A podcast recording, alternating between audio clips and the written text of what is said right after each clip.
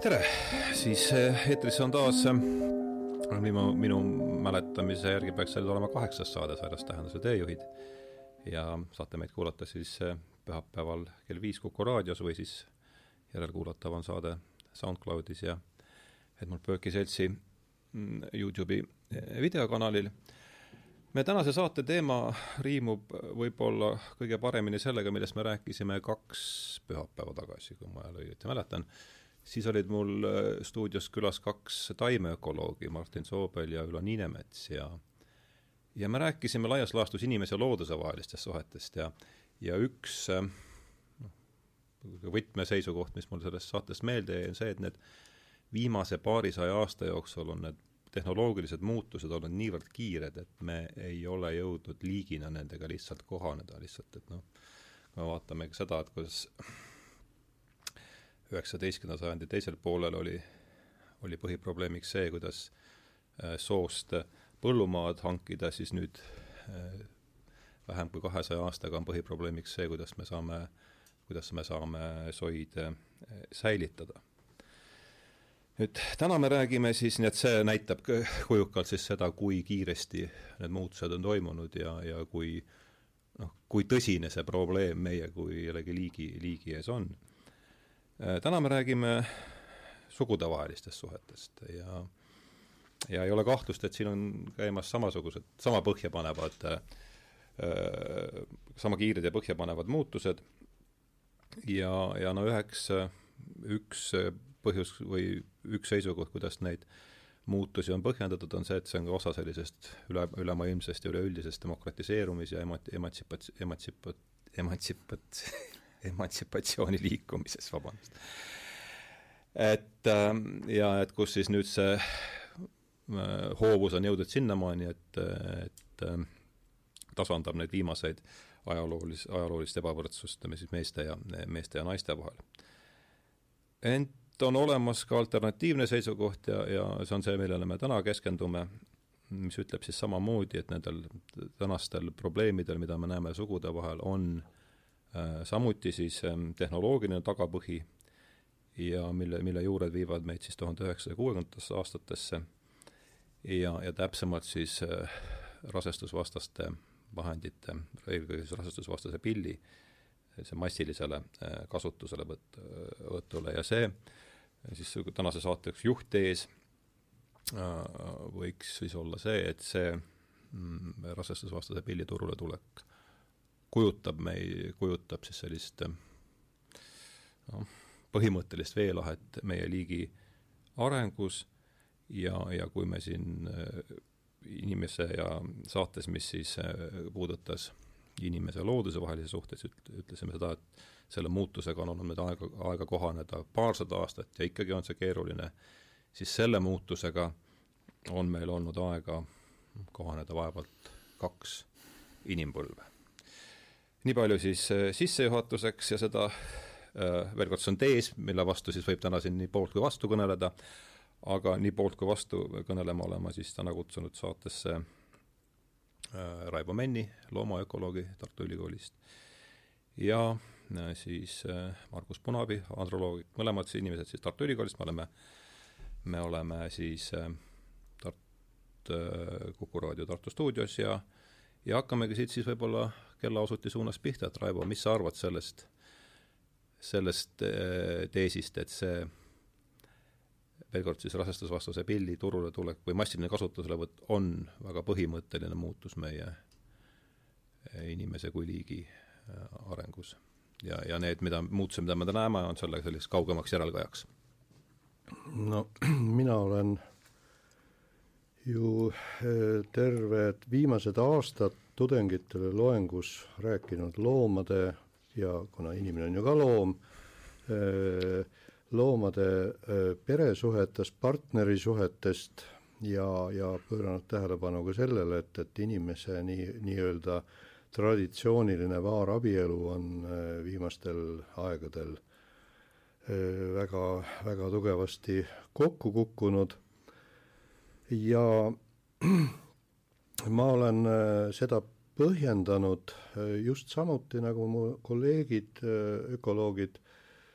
põhjendasid põhjendasid muid asju, selle viimase aja tohutu kiire teadus, tööstus ja tehnoloogia arenguga, millega inimkond ei ole suutnud kohaneda, soo nii-öelda, soorollid, eks ole, mis on olnud paika loksunud sajandite jooksul, osutusid järsku olevat ebasobivateks, paljud rollid kukkusid üleüldse ära, eks ole, noh, automaatpesumasinagi leiutamisega näiteks, eks ole. Nii, ja, ja nende hulgas ma juhtisin tähelepanu ka paarile asjale, mis on suhteliselt hilisaegsed leiutised nagu rasestumisvastaste vahendite väga järsk tõhustumine, rasestusvastased pillid ja, ja igasugused hormonaalsed, ma ei ole asjatundja väga, Margus räägib nendest võib-olla, võib-olla rohkem täpsemalt, ja, ja, ja samuti isaduse tuvastamise võimalusele DNA abil. ja ma ütlesin tudengitele, et on äh, väga vähe usutavad need leiutised, nagu, nagu need rasestumisvastased vahendid äh, ja muud, ei ole jätnud jälge inimese äh, partneri valikule, äh, inimese sigimiskäitumisele. Aga ma ei osanud seda väga täpselt seletada, milles see jälg on olnud. ja kui siis minu kätte mõni aeg tagasi sattus Ameerika Ühendriikides tehtud abielude lahutamise statistika, mis näitas selgelt, et äh, see paarabielu ei äh, lagunenud mitte järk-järgult, järjepidevalt, vaid see kokkukukkumine toimus sisuliselt kuuekümnendate teisest poolest alates kuni seitsmekümnendate teise pooleni, noh mingi kuuekümne, kuue-seitsme aasta jooksul, eks ole, siis lõi mul selle pildi nii-öelda selgeks ja ma mõistsin milles see asi oli, millest ma kogu aeg rääkinud olin. Ja, ja selle tõttu mina kahtlustan küll, et eh, kuigi neid põhjusi on kahtlemata mitmesuguseid, nendest võib-olla jõuab veel rääkida, aga paistab, et rasestumisvastaste vahendite leiutamine on olnud üks, üks selline järsk hoop, mis mis sellele meie har-, harjumuspärasele abielusüsteemile on. no ja see omakorda asetub, eks ole, sellesse laiemasse konteksti, sellesama noh, tehnoloogia kiiresse arengusse, mis, milles me siin eelpool viitasime, et jah, ma arvan, et need pinged on kogunenud juba varem, eks ole, aga, aga see järsk hoop, eks ole, järsk lagunemine sai alguse sellest. No see ei ole, me siin enne saadet jõudsime rääkida, eks, et ka rasestumisvastased äh, vahendid ei tulnud ju turule kuuekümnendatel aastatel, et nad on olnud, äh, neid on kasutatud ka, ka vanas Roomas ja võib-olla isegi varem, et aga et me, mis sa, et, et mil, mis mõttes on ikkagi see kuue, mis põhimõte, mis oli, küsime niimoodi, mis oli kuuekümnendatel aastatel põhimõtteliselt erinevat ja võib-olla natukene, Margus, kui sa tutvustaksid meid nende selle äh, noh, üldse seal nende vahendite võib-olla väikese, väikse ajaloolise ekskursi ma mõtlesin, et ma alustaks hoopis, ma pean vist natukene oponeerima siin, eks ole, et ma võtan natukene laiema horisondi veel ette, et kui me nüüd vaatame Euroopa e, inimeste või noh, populatsioonide ajalugu, meil on head andmed, registrite andmed olemas kuskil aast-, noh, üheksateistkümnenda sajandi esimesest poolest. Ja, ja kui me vaatame nüüd äh, ühte keskset inimese tervise ja, ja sotsiaalse ja äh, korra nagu indikaatorit oodatavat eluiga, siis see on äh, kasvanud lineaarselt alates aastast tuhat kaheksasada kolmkümmend kuni aastani kaks tuhat kuusteist me räägime nüüd, mis lääne oodat-, oodatav eluiga Euroopas, Euroopas, Euroopas keskmiselt. et huvitav oli jah, esimene langustrend, esimene languskõver tekkis nüüd, äh, nüüd kaks tuhat kuusteist, kas see langus läheb edasi, seda me ei tea. Nüüd äh, teine poolus, et äh, me peame siia lisama veel ühe, ühe komponendi, on see, et, et missugused rahvastikuprotsessid, et noh, me teame, et rahvastiku arengus on teatud arenguetapid ja, ja Eesti kuulub noh, suhteliselt nii-öelda kiirete ah, arenejate hulka, et meil need rahvastikuprotsessid tegelikult algasid juba juba ju oluliselt varem kui, kui, kui, kui meie ümber siin, eks ole, lähikonnas, oli kuskil üheksateistkümnenda sajandi teises pooles. ja, ja mida see tähendas, see tähendas seda, et äh, sündide keskmine sündinud laste arv hakkas langema. ja, ja see protsess käivitus tegelikult oluliselt, oluliselt varem, et, et äh, ja, ja, ja kolmas kommentaar, et kui me nüüd räägime, et et äh, kontratseptsioon on see kõige kese, et noh, minu arvates äh, inimkond oma innovatsioonis äh, panustab sinna, kus ta näeb kõige suuremat vajadust. ja, ja mina näen, et lihtsalt needsamad protsessid, mis meil olid tegelikult käivitunud juba üheksateistkümnendal sajandil, viisid selleni, et meil oli vaja väga tõhusat kontratseptsiooni, sest muidu me lihtsalt ei oleks mahtunud siia Euroopasse ju ära ja, ja, ja maailmas veel rohkem ei mahu ära, eks ole, meil on tegelikult tänane probleem ei ole noh, kui me siin jah, ikkagi selle, selle paarisuhte ja selle taga on ju laste arv, eks ole, et mis, mis, mis on kõige keskne teema, eks ole, tegelikult tänane probleem ei ole meil ju mitte selles, et meil on vähe lapsi, vaid maailma probleem on tegelikult selles, et meil on liiga palju lapsi. Teiseks, kui me, kui me nüüd vaatame seda, et võtame veel korra Euroopa et, et, et kui me vaatame, et meie sündivus on olnud Euroopas, Lääne-Euroopas, võtame siis kitsamalt, äh, alla taastoote tasandit alates kuuekümnendatest aastatest. ja seejuures ei ole olnud jällegi ühtegi aastat, kus tegelikult äh, loomulik äh, rahvastiku kasv ilma, ilma välise noh, ütleme immigratsioonita oleks olnud negatiivne. ta on kogu aeg positiivne olnud ja see ongi see, et minu arust on tegemist veelgi kõrgema adaptatsioonimehhanismiga et äh, lihtsalt selleks, et sa säilitada, eks ole, sellise keskkonna harmoonia, ongi meil vaja, eks ole, teatud äh, regulatsioonimehhanisme ja kontratseptsiooni noh, väljaarendamine, eks ole, sellele tasandile, kuhu ta täna on jõudnud, on, on üks, üks osa sellest regulatsioonist.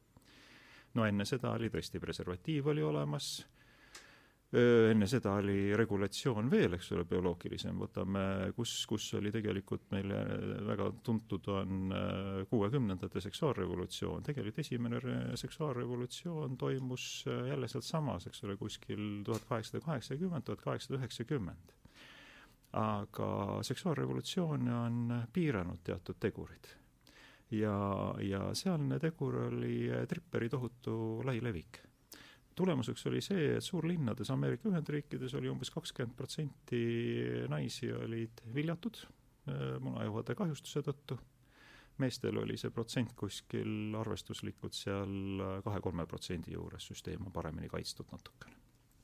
Et, et tegelikult need mehhanismid on, bioloogilised mehhanismid on töötanud ju läbi, läbi ajaloo, eks ole, et nagu esimesele seksuaalrevolutsioonile pani siis Tripper piiri,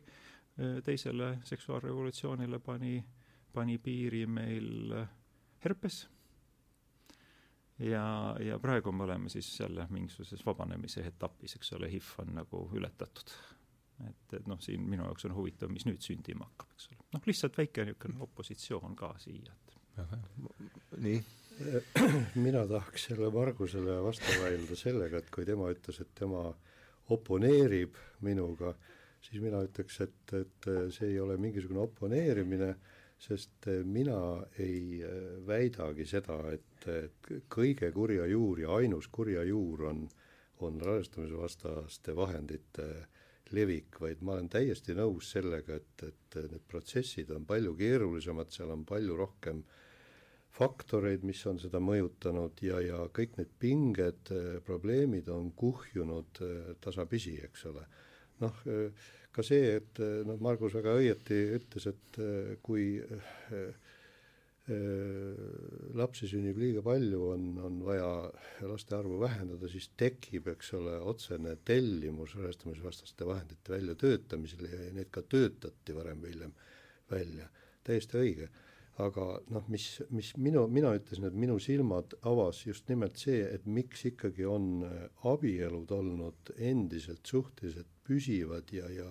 platool on see lahutumus püsinud kuni selleni, kuni esimest korda äh, tulid need rasestumisvastased pillid vaba, vabaturule, legaliseeriti ja, ja kui toimus siis eksrevolutsioon äh, Ameerikas, siis sellest peale toimus see abielude purunemine väga järsult ja jõudis jälle uuele platoole, eks ole, ja on nüüd jäänud sellest peale püsima, see, see äratas minul tähelepanu. jah, see on kindlasti väga oluline komponent, aga nüüd on küsimus, et kumb seal on nagu äh, põhjus, kumb on tagajärg, kas, kas kontratseptsioon võimaldas, eks ole, naistel koduvälise eneseteostuse äh, paremini kui varem? Või teine, eks ole, siis millest lahutumus tekib, on äh, majanduslik võimekus. Ise hakkama saada et ma arvan, et need kaks, kaks komponenti on, see on see muna-kana, eks ole, mõlemad ilmselt toetasid äh, teineteist, et äh, et väga-väga keeruline öelda.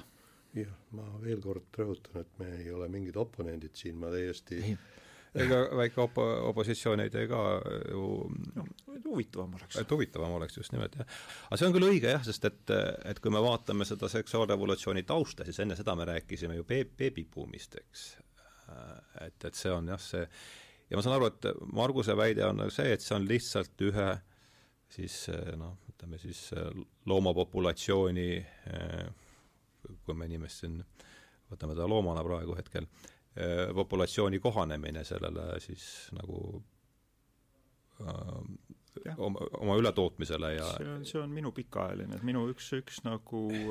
noh, võtame tegelikult inimese peal, võtame väiksemad süsteemid, eks ole, tegelikult on meil noh, meie keha sisaldab küm-, kümneid sadu, võib-olla rohkemgi miljoneid mikroobe. aga, aga meil on nende mikroobide jaoks teatud kindlad kinnituskohad ja nende arv on suhteliselt konstantne. see ei muutu. kui me selle keskkonna noh, kas antibiootikumide üleliigse hügieeni või mingil muudel põhjustel tasakaalust välja viime, siis äh, tagajärjeks on haigus või mingisugune kehaline probleem. ja mina olen sügavalt veendunud, tegelikult samasugune äh, keskkonna valmisolek äh, teatud hulga inimese jaoks on meil ka, et me võime isegi Euroopa kaarti vaadata, eks ole, sealt me näeme, eks ole, väga hästi ja, ja ajaloos suhteliselt stabiilsena püsinud populatsiooni tihedust et kus, kus missugune on, meie piirkonnas on kaks, kaks häiringut, meil on Stockholmi piirkond, veidikene vähem, vähem on äh, Helsingi ümbrus ja, ja, ja rohkem jälle Peterburi ümbrus. aga kui me vaatame populatsiooni tihedust siin, eks ole, ruutkilomeetri peale, siis see on suhteliselt konstantne. samasuguses kliimavöötmes on Põhja-Ameerikas samamoodi nüüd loomaökoloogina mulle vahepeal väga meeldis see, mis Margus välja tõi tõi selle asjaolu, et, et et naistel tekkis võimalus tegeleda millegi muuga ka kui, kui paljalt sünnitamisega ja, ja et mulle meeldib see sellepärast, et õpetades loomade sigimiskäitumist ja vanemhoole või oma järglaste eest hoolitsemise või mittehoolitsemise põhjusi, siis eksisteerib üldiselt selline seaduspärasus loomariigis, et järglaste eest hoolitsetakse siis, kui need järglased tõesti vajavad hoolitsust. enamik loomi ei hoolitse nende eest üldse, nad, eks ole, munevad oma munad kuskile, jätavad äh, sinnapaika, aga siis paljudel liikidel esineb hool, nüüd on küsimus, kas ühe vanema hool või kahe vanema hool. ja kahe vanema hool esineb nendel liikidel, kellel jällegi need järglased vajavad väga hoolt ja see, kas järglased vajavad väga hoolt või, või mitte, sõltub nüüd nende elukeskkonnast, üks faktor, väga oluline faktor on elukeskkond. kui elukeskkond on väga stabiilne, rikkalik ressursside poolest, muretu, siis need järglased saavad iseendaga suhteliselt hästi hakkama, kui elukeskkond on aga äh, väga ohtuderikas, äh, ressursside vaene, etteennustamatu, siis äh, need arenematud, abitud järglased väga vajavad vanem hoolt, eks ole. ja, ja see üldine seaduspärasus äh, kehtib kahtlemata ka inimese abielu puhul, kui on nii-öelda e-, elu on raske, eks ole, siis ei ole võimalik järglasi saada, ilma et mõlemad vanemad koos neid järglasi, järglaste eest hoolitseksid kui elu muutub kergemaks, nagu ta muutus vahepeal teaduse tehnika revolutsiooni tagajärjel, eks ole, me võõrandusime loodusest, me saime ilma looduseta hakkama, eks ole, e, siis muutuski see, see elu nii kergeks, et, et praktiliselt kahe vanema hoole tähtsus vähenes drastiliselt, eks ole. ja see on see üks nendest pingetest, mis, mis on kujunenud, eks ole, ja mida minu arvates siis see rasestumisvastaste vahendite leiutamine võimaldas vabaneda sellel pingel, eks ole. kui seni võib-olla hoidsid mingisugused abielu traditsioonid ja, ja kõik, eks ole, koos, siis see, need traditsioonid purunesid, eks ole, selle, selle tagajärjel jälle kontratseptsiooni puudutades, et kui me lähme tagasi meie enda noorusesse, et kuskile sinna seitsmekümnendatesse, siis ega Eestis seda kontratseptsiooni ju ei olnud. Väga raskelt kättesaadav, okei okay,, spiraalid hakkasid tulema, aga, aga tegelikult ei olnud, aga kui me vaatame, et millal meil sündivus äh, kukkus alla, alla kahe, eks ole, see oli ju üsna varakult. Et siin seesama, eks ole, hool, et meil on, me oleme heaoluühiskonnas sisuliselt, see hool enam ei ole vajalik seda kahte vanemat, vaid meil on äh, see alma mater, toitev ema, eks ole, riik, kes, kes täna, eks ole, kogu selle nii-öelda väga suure osa sellest äh, rollist ära võtab, et äh, noh, Vene ajal oligi see ju, et, et naised pidid tööl käima, lapsed lasteaias, kogu, kogu see turvavõrgustik oli siis, siis kaetud, eks ole, et, et et tegelikult nii-öelda ma, ma, ma olen nõus, et see kontratseptsioon on üks, üks keskne, aga, aga kui me lähme oma, eks ole, ajaloos natukene tagasi, eks ole, siis tegelikult need sotsiaalsed muutused äh, minu arvates on primaarsed ja, ja kontratseptsioon tuleb äh, noh, ühe vahendina, eks mm -hmm. ole, nende jõustamisel äh, arvesse jah, ma teeks ühe märkuse kohe siin, et äh, asi oleks selgem, et, et mina teen väga suurt vahet äh, sellele, kas mehed või, või isased saavad äh, äh, vältida soovimatuid äh, rasestusi või kas seda saavad teha naised või siis emased. ja ma toon siia juurde sellise huvitava asjaolu, mida, mida võib-olla vähesed inimesed teavad, et näiteks lindudel ja putukatel on juba miljoneid aastaid olnud emastel võimalus valida see isane, ühesõnaga tal on olnud võimalus paaruda mitmete isastega ja valida selle isase spermid oma munarakkude viljastajaks, kes talle nii-öelda meeldib või peale läheb mingisugustel põhjustel, eks ole. imetajatel ei ole seda võimet eh, seni veel vähemasti leitud ja, ja ka inimese naistel ei ole seda võimet kunagi inimkonna ajaloos olnud. ja nüüd järsku tekkis selline samasugune võime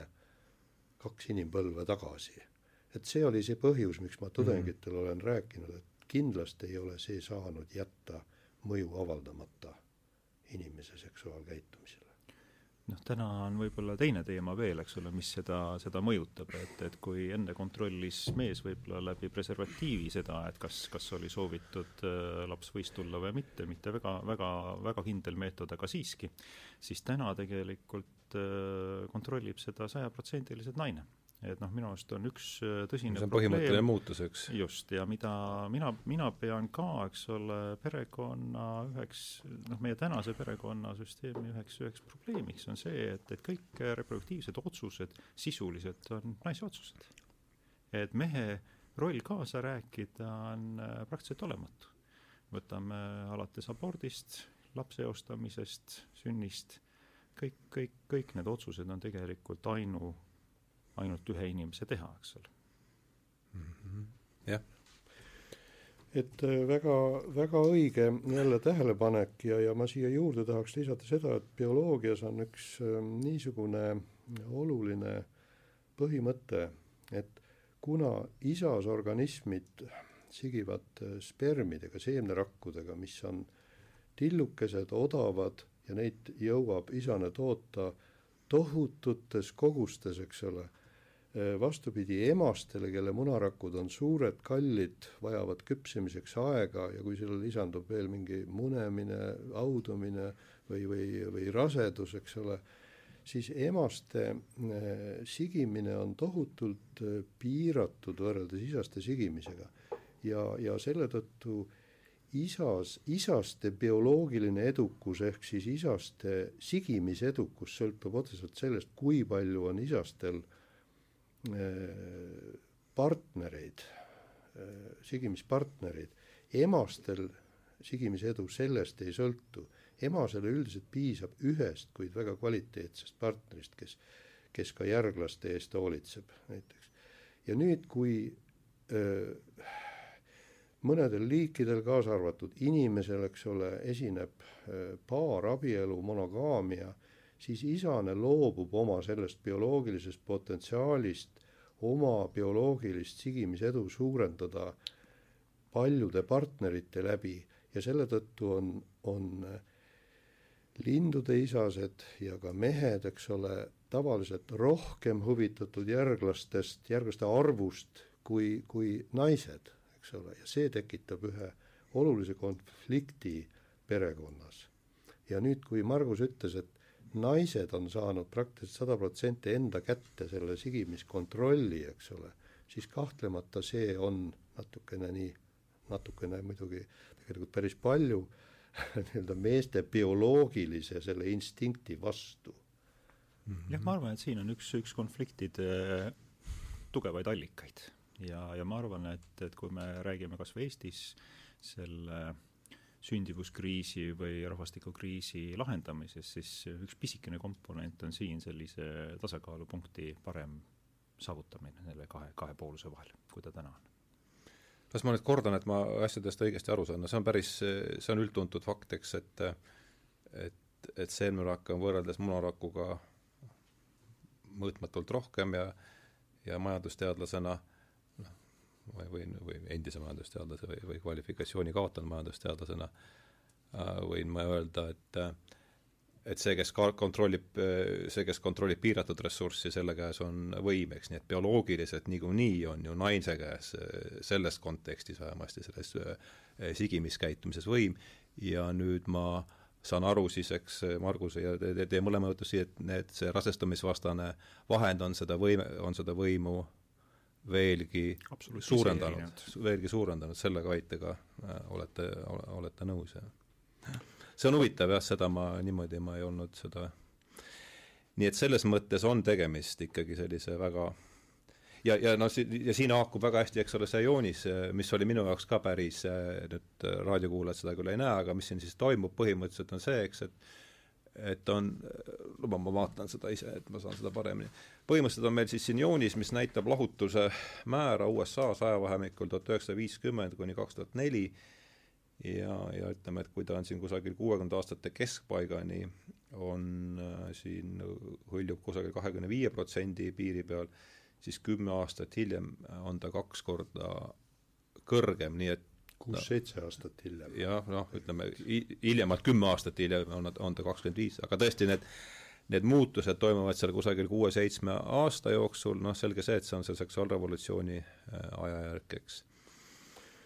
ja nüüd jah, jah, jah. Eh, ma siia juurde rõhutaksin seda, et inimene on selles mõttes huvitav imetaja, ta kuulub imetajate klassi loomariigis, aga ta on huvitav imetaja selles mõttes, kui enamikul imetajatel paarabielu ei esine, siis inimesel see on ja enamikul lindudel samal ajal paarabielu esineb ja lindude lahutumus on ka kuskil seal isegi veel väiksem, kui, kui see oli inimesel enne seda seksuaalrevolutsiooni, eks ole. ma nüüd juhiksin tähelepanu, et lindudel puudub üldse igasugune seadusandlus, mingitest sotsiaalsetest konstruktsioonidest me siin üldse ei räägi, abielulepingut nad ei sõlmi, eks ole, ja sellest hoolimata lindude abielud püsivad ja see lahutumus esineb ka valdavalt sellepärast, et üks partneritest saab juhuslikult surma näiteks kevadrändel või, või sügisrändel. nii et jah, et inimeste abielud varem sarnanesid nagu rohkem lindude omale, nüüd pärast, pärast seda seksrevolutsiooni sarnanevad nad rohkem oma klassi, nii-öelda imetajate klassi esindajate seksuaalsuhetele. No nii, jätkame siis saate teise poolega ja tuletan meelde, et täna on mul stuudios loomaökoloog Raimo Mänd ja, ja Margus Punab, androloog, kes on mõlemad kirjutanud äh, siin sugudevahelisest suhetest viimastel nädalatel ja pälvinud oma kirjutistega tähelepanu, suurt tähelepanu ja, ja, ja vastukaja. ja, ja me oleme nüüd siis juba tunni aja vältel üritanud selgitada, et mis on, mis on nende muutuste sellised kaugemad põhjused ja, ja ühe sellise peapõhjusena oleme, oleme siis peatunud kontratseptiivide turule tulekul kaks inimpõlve tagasi, mis on siis esmakordselt noh, mis see, mis sa, Raivo, pakkusid meie liigi selleks ajalooks, kolmsada tuhat aastat käis? no viimasel ajal kipuvad jah, sinnapoole need. jah, et et kolmesaja tuhande aasta vältel siis viimase viiekümne, laias laastus viie, kolmesaja tuhande aasta vältel või siis kolmand-, kolmandiku miljondi aasta vältel, sellele vasta-, vastandub siis viiskümmend aastat sellest, kus me oleme suutnud või olnud võimelised. Naised on olnud võimelised oma reproduktiivkäitumist ise kontrollima ja on noh, väga, väga loogiline, et, et sellel on olnud oma, oma äh, tagajärjed sellele elukorraldusele, nagu, nagu me seda siiani äh, tunneme ja ja kui keegi mõtleb siin juba, mõni raadiokuulaja mõtleb, kuidas siin juba kaebekirja kirjutades, me ei, me kolmekesi ei ole siin seda meelt, et et me ei võta hinnanguid selle, selle muutuse suhtes, vaid pigem püüame, püüame siin kuidagi rahulikult arutada, et mis on olnud selle selle sammu sellised kavats-, ettekavatsemata või ettenägematud äh, tagajärjed ja ja üks tagajärg, mida me kindlasti oleme näinud, on siis see, eks, et äh, see äh, pärast seksuaalrevolutsiooni on see tavapärane paariabielu lang- äh,, siis äh, langenud äh, tugeva surve alla, et kuhu see, kuhu need muutused meid võiksid siis niimoodi siin edasi edasi kanda, kui me püüame natukenegi eh, tulevikku, tulevikku vaadata siin. hakkame Raivos pihta. no ega mina ei ole ühiskonnateadlane, mina olen eh, evolutsiooniline bioloog, et ja, ja et ma ei tahaks väga tulevikku selles mõttes ennustada, aga ma ütlen äh, seda küll, et, et bioloogina ma siiski nii ürgsetes asjades, nagu on eh, sigimine, paarisuhted, eh, reproduktsioon, eks ole, ei usu nii väga, et inimene oma, oma mõistusega siin väga palju teha saab. ma ikka loodan selle peale, et need asjad loksuvad uutes tingimustes ilusasti paika, evolutsioonilised mehhanismid looduslik valik, mis toimib ka inimestele, endiselt loksutavad selle asja tasapisi paika, aga see võtab muidugi aega. ja kui inimesed siin midagi teha saavad, inimesed saavad võtta ju vastu mingisuguseid seadusi näiteks, siis ainus, mida ma öö, tahaksin nagu soovitada, et enne, enne sigimiskäitumist paarisuhteid puudutavate äh, seadusesätete vastuvõtmist vaagida eh, nende vastavust ja kokkusobivust loodusseaduste printsiipidega, bioloogiaseaduste printsiipidega. et me saame asju teha halvemaks, kui me võtame vastu mingisuguseid seadusi, mis lähevad vastu loodusseadustele, siis ma ei usu, et meie jääme loodusseadustele peale, aga me võime seda loodusseaduste positiivset mõju, nii-öelda paika loksutavat mõju võib-olla kaugemale lükata, seda segada, eks ole. Eh, noh, jah, mulle tundub, et ilma normideta me jällegi ei saa, sest meie vabadus mingil needsamad no seda jah, sõltub sellest, mis oletusi me inimloomuse kohta ilmselt teeme, aga ma arvan, et meie vabaduse realiseerumiseks on jällegi normid vajalikud, et normid teevad üldse äh, need normid, normid muudavad äh, meie käitumise vastastikku etteaimatavaks. ja seetõttu noh, see on omakorda meie vabaduse eeltingimuseks, nii et me ei saa, me ei saa minu meelest rääkida normide, et valikud ei ole mitte normide puudumine või olemasolu, vaid mis on nende normide olemasolu ja teine või, või mis on, mis on nende normide ise, iseloom ja teine asi, mis ma ütlesin, et ma olen täiesti nõus sellega, et et, et need pikaaegsed normid, mis nüüd on langenud siin noh, tõsise surve alla ja mida, mida, millele viitasid need graafikud, need on, need on nad on pikaajalised sellepärast, et nad on, need on pikalt, need on pikalt katsetatud ja nad on siis vastu, vastavuses meie selle bioloogilise loomusega, mida üks pool siin ütleb, et mida üks osapool selles debatis ütleb, et mitte küll tänases debatis, aga laiemas ühiskondlikus debatis ütleb, seda, seda bioloogilist loomust pole üldse, pole üleüldse olemaski. et, et aga nüüd, kus see, nüüd, kus seesama noh, mis need tegurid ka ei ole, ütleme, nimetame seda laias laastus seks-, seksuaalrevolutsiooniks,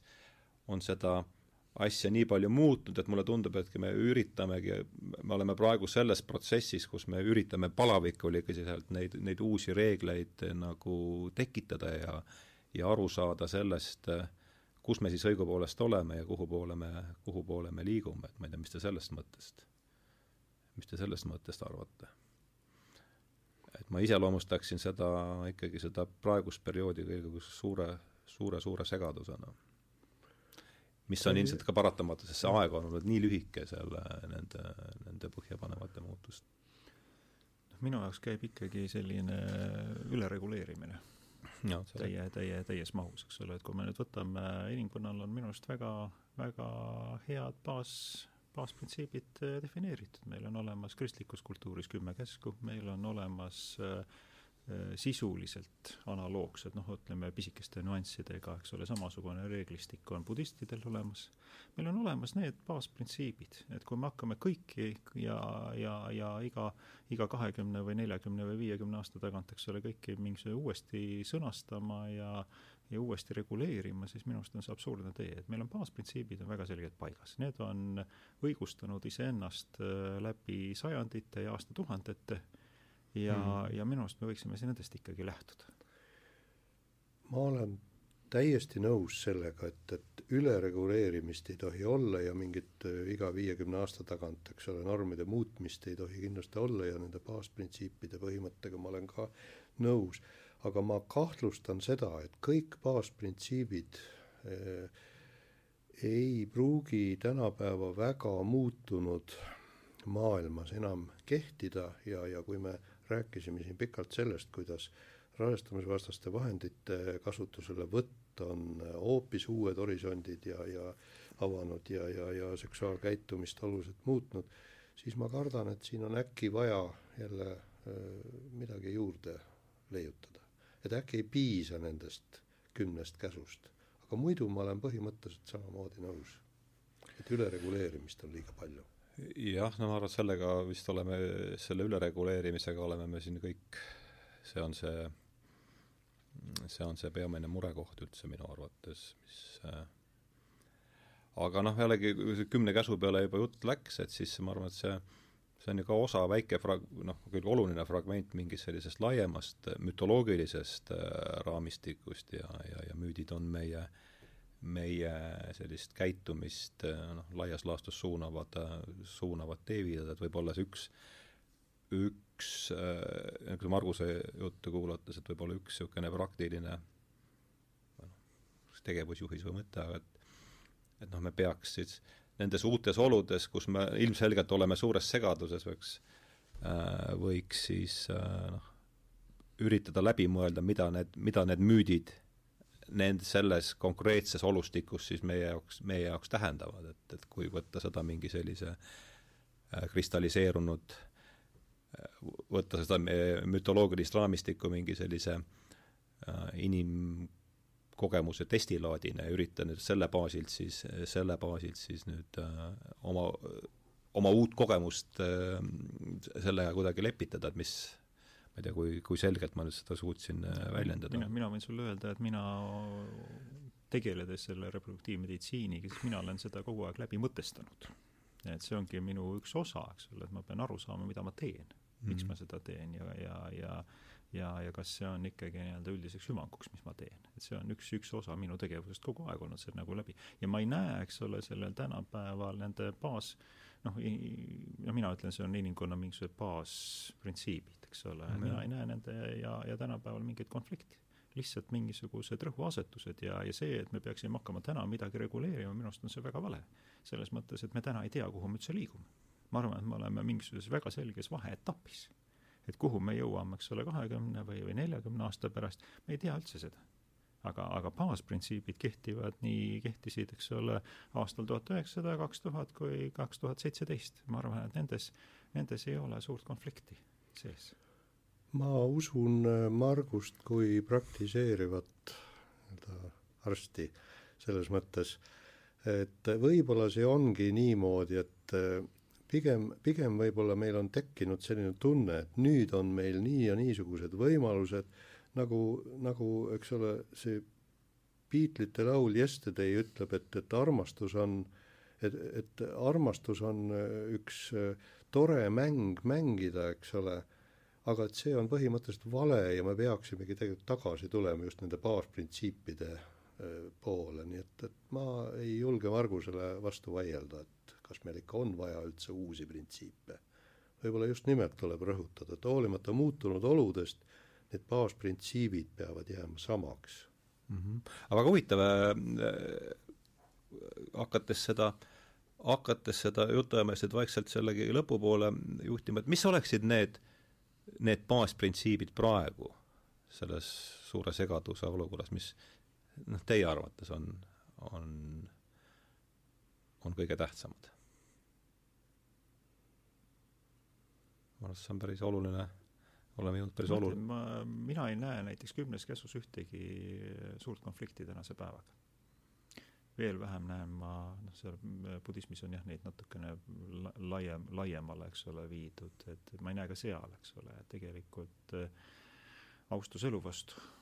on, on üks, üks baasprintsiipe minu arvates kõige, kõige, kõige tähtsam, eks ole, teise, teise inimese austamine, eks ole, teise äh, ära tee teisele seda, mida sa ei taha, et sinule tehtaks. minu arust see on üks, üks kõige, kõige, kõige aluseid, eks ole, et mis, mis meid tegelikult äh, harmooniliselt äh, koos hoiab ja, ja elus hoiab. kui me sellest printsiibist äh, lahkneme, siis minu arvates või, või välja, välja lähme, siis see on katastroof. üldiselt, üldiselt nõus, kuigi ma ei ole ilmselt nii hea nende erinevate religioonide alusprintsiipide tundja, kui Margus võib-olla on, aga, aga noh, ma kardan, et siin tänapäeva inimesel võib-olla tekitab äh, natukene vastumeelsust ja segadust, noh näiteks kümne käsu esimene käsk, sul ei tohi olla teisi jumalaid peale minu, äh, minu kõrval ei tohi olla teisi jumalaid. Ja, ja kui inimene kujutab ette, et Jumal on mingisugune halli habemega vanamees seal üleval pilve peal, siis tal tekib, tekib loomulikult mingi no see viitab eelkõige kujutlusvõime eh, piiratus olema. Jah, aga kui Jumalat äh, mõeldagi üldistusena sellise loodusseaduste, kõige üldisemate loodusseaduste nii-öelda abstraktsioonina, siis see on täiesti okei okay käsk jah, ma mõtlen, et, see jälle me, me oleme loonud mingisuguse müüdi ja sellele te, kujustanud teda kuidagi, aga ja, ja see on teatud valdavaks saanud, eks ole, et võib-olla ja on saanud põhjusega valdavaks. just, ja vastpidi võib-olla me peame kujustama teda teistmoodi lihtsalt natukene. ja mõtlema järele, mida see tähendab just, praegus, praegustes just, oludes, kus meil on sellised ja. muutused äh,, muutused toimunud, ma arvan, et see kõlab, see kõlab nagu siia lõpupoole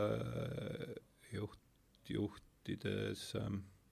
jutu lõpupoole juhtides päris äh, hea kokkuvõttena.